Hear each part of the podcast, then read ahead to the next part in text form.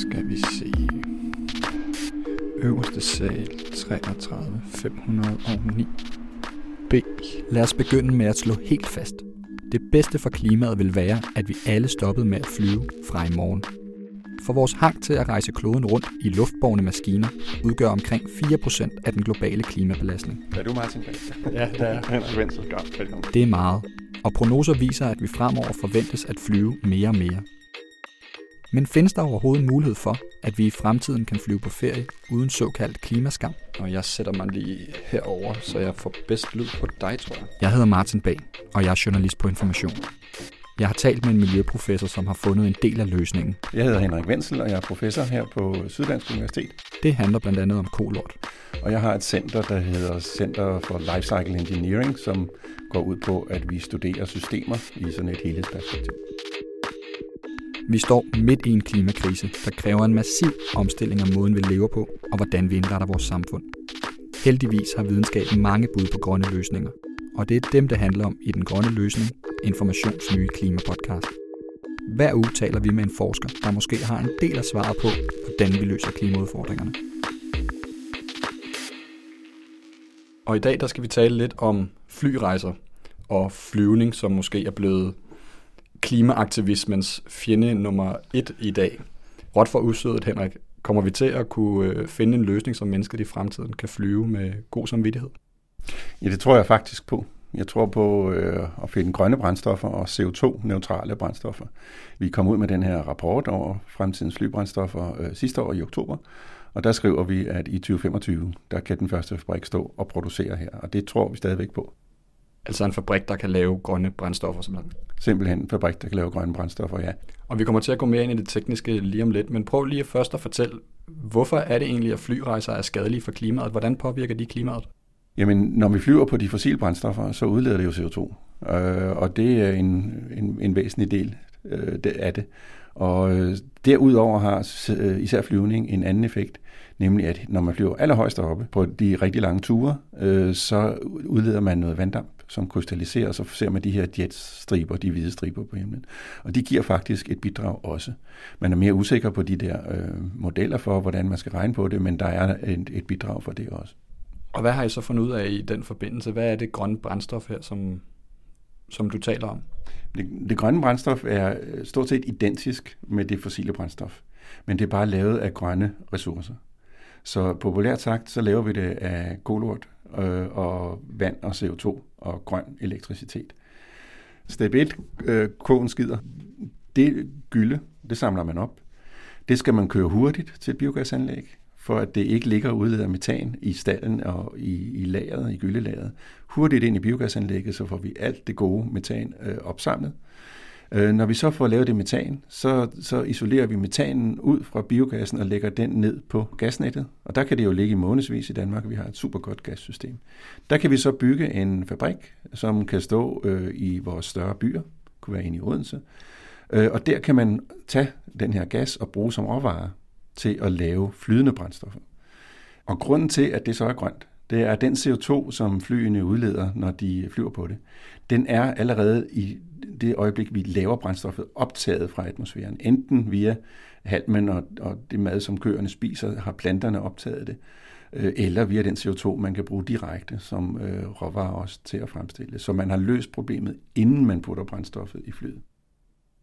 Hvordan er vores forudsætninger så her i Danmark for at, at, øh, at lave det her, altså opfange den her CO2 for biomasseafbrænding, som du taler om, og så øh, omdanne det til, til brændstof? Har vi gode forudsætninger for det i Danmark? Vi har jo et stort landbrug eksempelvis. Ja, vi har super gode forudsætninger. Vi har et af verdens mest kompetente landbrug. Vi har også øh, faktisk en verdensførende biogasproducent, som er rigtig skrabt til os at, at udskille øh, metanen og lægge den ned på gasnettet, og som er med i flere projekter, som går ud på at, at omdanne CO2'en i biogassen til endnu mere metan sammen med brint.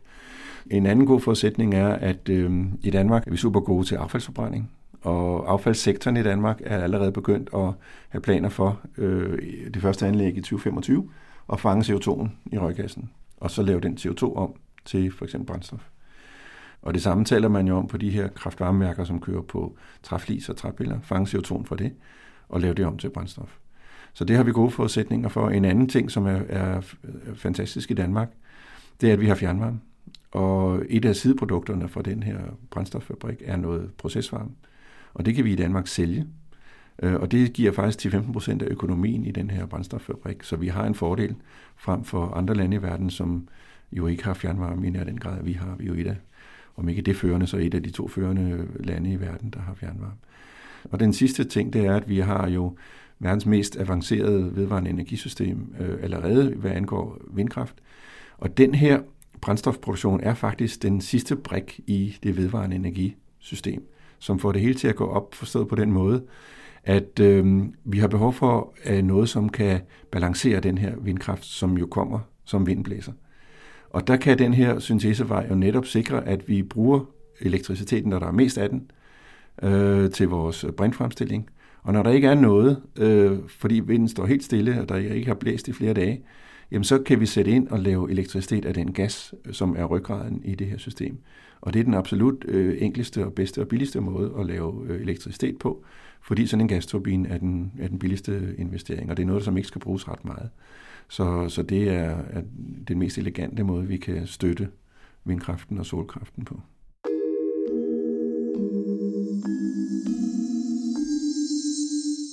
Og når I så siger, at det er, det er bæredygtigt brændstof, det her, hvor bæredygtigt er det så rent faktisk? Altså, hvor meget CO2-udledning regner man med, at man sparer ved at bruge det her kontra det brændstof, som flyene flyver på i dag?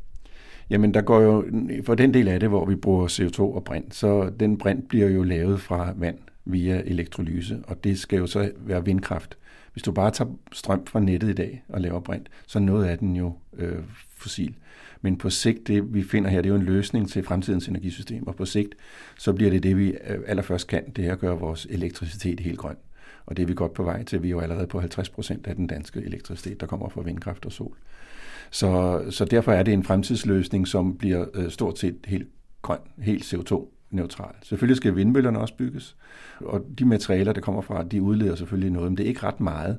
Så vi er ude på, at det måske er, der er måske 10 procent af CO2-udledningen tilbage.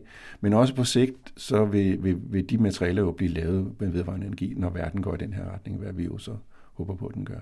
Så det er en, hvis du ser på, hvordan du skal designe fremtidens øh, vedvarende energisystem, så er det det grønneste, du kan. I starten vil der være en, en restmængde CO2, der også bliver udledt af den her, men det er en meget stor forbedring. Altså slag på tasken, det er måske to tredjedel reduktion eller noget i den stil allerede fra dag et. Vil det sige, at jo højere andel af vedvarende energi vi får i Danmark, jo bedre er vores muligheder også for simpelthen at få, øh, få bæredygtigt brændstof til, til flyvemaskiner? Ja, fordi det, som øh, vi har kendt i, i Danmark og i meget store dele af Europa, og helt op til vores politikere, er, at vi skal have elektrobrændstof, fordi det er energi, vi har nok af. Det er elektricitet, vi har nok af fra vind og især sol. Solen skinner jo 6.000 gange mere ned på vores planet, end vi nogensinde kommer til at bruge. Så vi skal jo bruge langt under en promille af den solskin, der møder os. Så det er det, vi har nok af. Det vi ikke har nok af, det er areal og biomasse, øh, og det kulstof, der er i biomassen, som vi skal bruge til vores brændstoffer. Hvis vi tror, at vi skal lave biobrændsler til det hele, så er det, at vi kommer til at bruge fem planeter, og det går, kommer til at gå hårdt ud af både klima og biodiversitet. Så det er det, vi skal passe på med. Så ja, vi, hvis vi har elektricitet nok, så kan vi lave alt det brændstof, vi vil. Øh, det med jetstriber er en helt anden type udfordring, men der er også forskning i, hvordan man løser det. Det er noget med øh, iskrystaldannelse op i de allerhøjeste luftlag som danner de her øh, skystriber. Men det har også noget at gøre med partiklerne i brændstoffet, som fremmer den her iskrystaldannelse. Og de grønne brændstoffer udleder færre partikler, så der kan godt være et håb øh, der. Men der taler man også allerede om hybridfly, fly, som jo altså er et fly, der kan flyve både på batteri og brændstof. Og mit håb er, at så kan man måske forestille sig, at øh, man bruger brændstoffet til at komme op i de høje luftlag, hvor de her problemer ikke opstår, og op i de højeste luftlag, hvor man bruger meget mindre brændstof per kilometer på at holde sig der. Der kan man måske flyve på batterierne, og så kan man som en del af løsningen øh, gå den vej. Kommer vi også til at tale om eldrevne fly på et tidspunkt? Ja, på et tidspunkt, der er, findes faktisk virksomheder allerede, som, øh, som er i gang med at udvikle dem, øh, og jeg har deltaget i forskellige arrangementer, hvor de har fremlagt, hvor de er henne, og som jeg har forstået, hvad der foregår, så ser det ud til, at vi op til 400 kilometer kan flyve på, øh, på batterier, men i små fly. Og man taler op til 19 sæder eller sådan noget inden for en årrække. ja, så vidt jeg kan vurdere, mellem 5 og 10 år begynder, begynder man at se den slags fly til noget indrigs i, i, med mindre fly. Men på de store fly, øh, som flyver længere og med flere passagerer, der er, har det meget lange udsigter, og det har så lange udsigter, at, øh, at den tidshorisont, vi har til at løse den her udfordring, at, den, den, øh, at, at der, der går det ikke. Vi skal finde nogle grønne brændstoffer.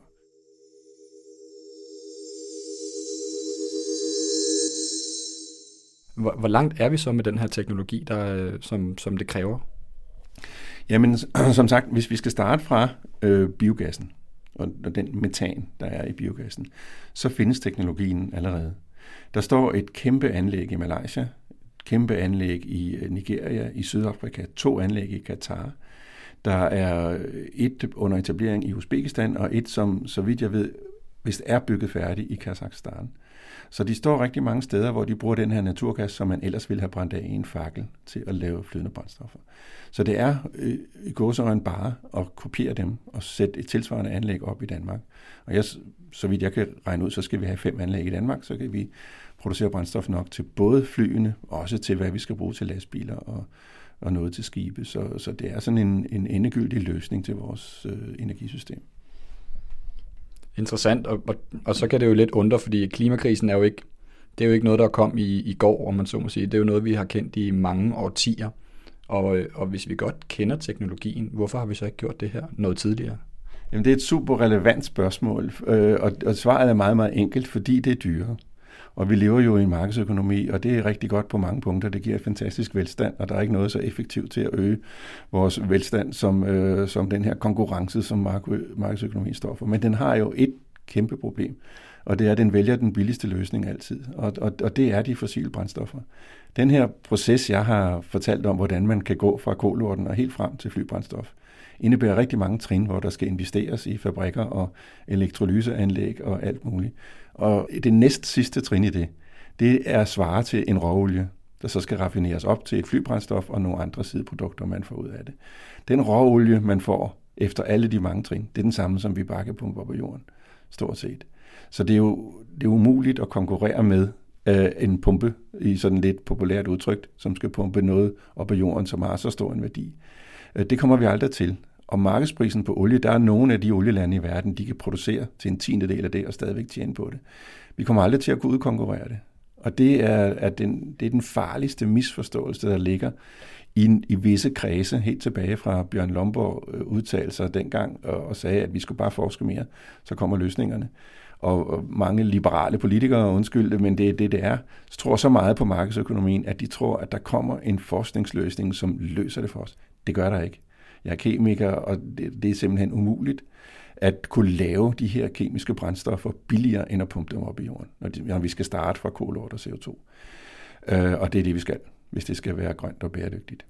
Så, øh, så, så det lader sig ikke gøre. Men i det øjeblik, der er nogen, der erkender det, og vil købe de her brændstoffer, og det er der nu, fordi nu er en sektor som luftfarten som motiveret, hvis man kan sige det på den måde, af, af den øh, opmærksomhed, der er på klimaproblemet ved at flyve. At man kan se, at det er det rigtige tidspunkt nu at gå ind og tage tæten og, og, og, og, og gå grønt. Og betale det, det koster ekstra. Brændstoffet koster måske to gange mere end det fossile, måske to og en halv gang mere end det fossile. Men flybilletten bliver måske kun 30 procent dyrere, hvilket stadigvæk er billigere, end det var for 5-6 år siden. Og, og, og det er der nogen, der nu vil betale for. Og når de vil det, så kommer løsningerne. Så alt det, vi har forsket i de sidste 20 år, hvor man har givet penge til forskning, en grøn milliard her og der, øh, der ligger de første mange løsninger i skuffen, som alle sammen er noget, der kan lade sig gøre, men som er dyre. Og hvis man bare bliver ved med at tro, at man skal forske sig til løsningerne, så vil der komme endnu en løsning ned i skuffen, som er fin, men bare lidt dyrere. Så man skal erkende, at det næste, der skal ske, det er, at der er nogen, der skal betale for det. Og så må der være nogle politiske incitamenter, der sikrer, at dem, der betaler for det, de også er på markedet, så de ikke bare bliver udkonkurreret af dem, der ikke vil gå grønt. Det er jo vigtigt, at de grønne, det er dem, som er her, kan man sige, og lever. Så det skal vi have nogle rammebetingelser, der sikrer, øh, at, øh, at det finder sted.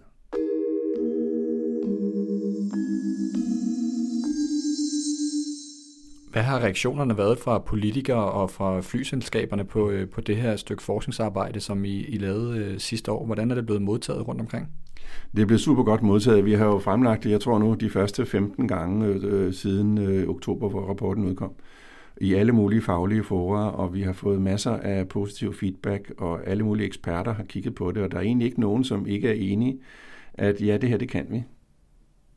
Så din konklusion må være, at, øh, at det kan godt være, at flybranchen eller flyrejser er meget, meget klimaskadelige lige nu, men, men, men vi skal holde ud, og så kommer der en, en løsning i en nærmeste fremtid, simpelthen, der, der vil gøre det i hvert fald mere klimavenligt at flyve. Som kan i hvert fald i den nærmeste fremtid kan gøre det stort set CO2-neutralt, ja. Henrik Wenzel, tusind tak, fordi du vil tale med mig om, øh, om bæredygtige flyrejser. Selv tak, det var en fornøjelse. Det var alt for andet afsnit af Informations Klimapodcast. Tak til Henrik Wenzel og til jer, der lyttede med. Husk, at du kan abonnere på den her podcast i iTunes eller hvor du ellers lytter. Og at du kan blive endnu klogere på klimaet i Informations Klimanyhedsbrev og med vores særabonnement Information Klima. Podcasten er klippet af Astrid Dynesen, og i redaktionen er også Anne Pilegaard, Anton Geist og Louise Drivsholm. Vi lyttes ved.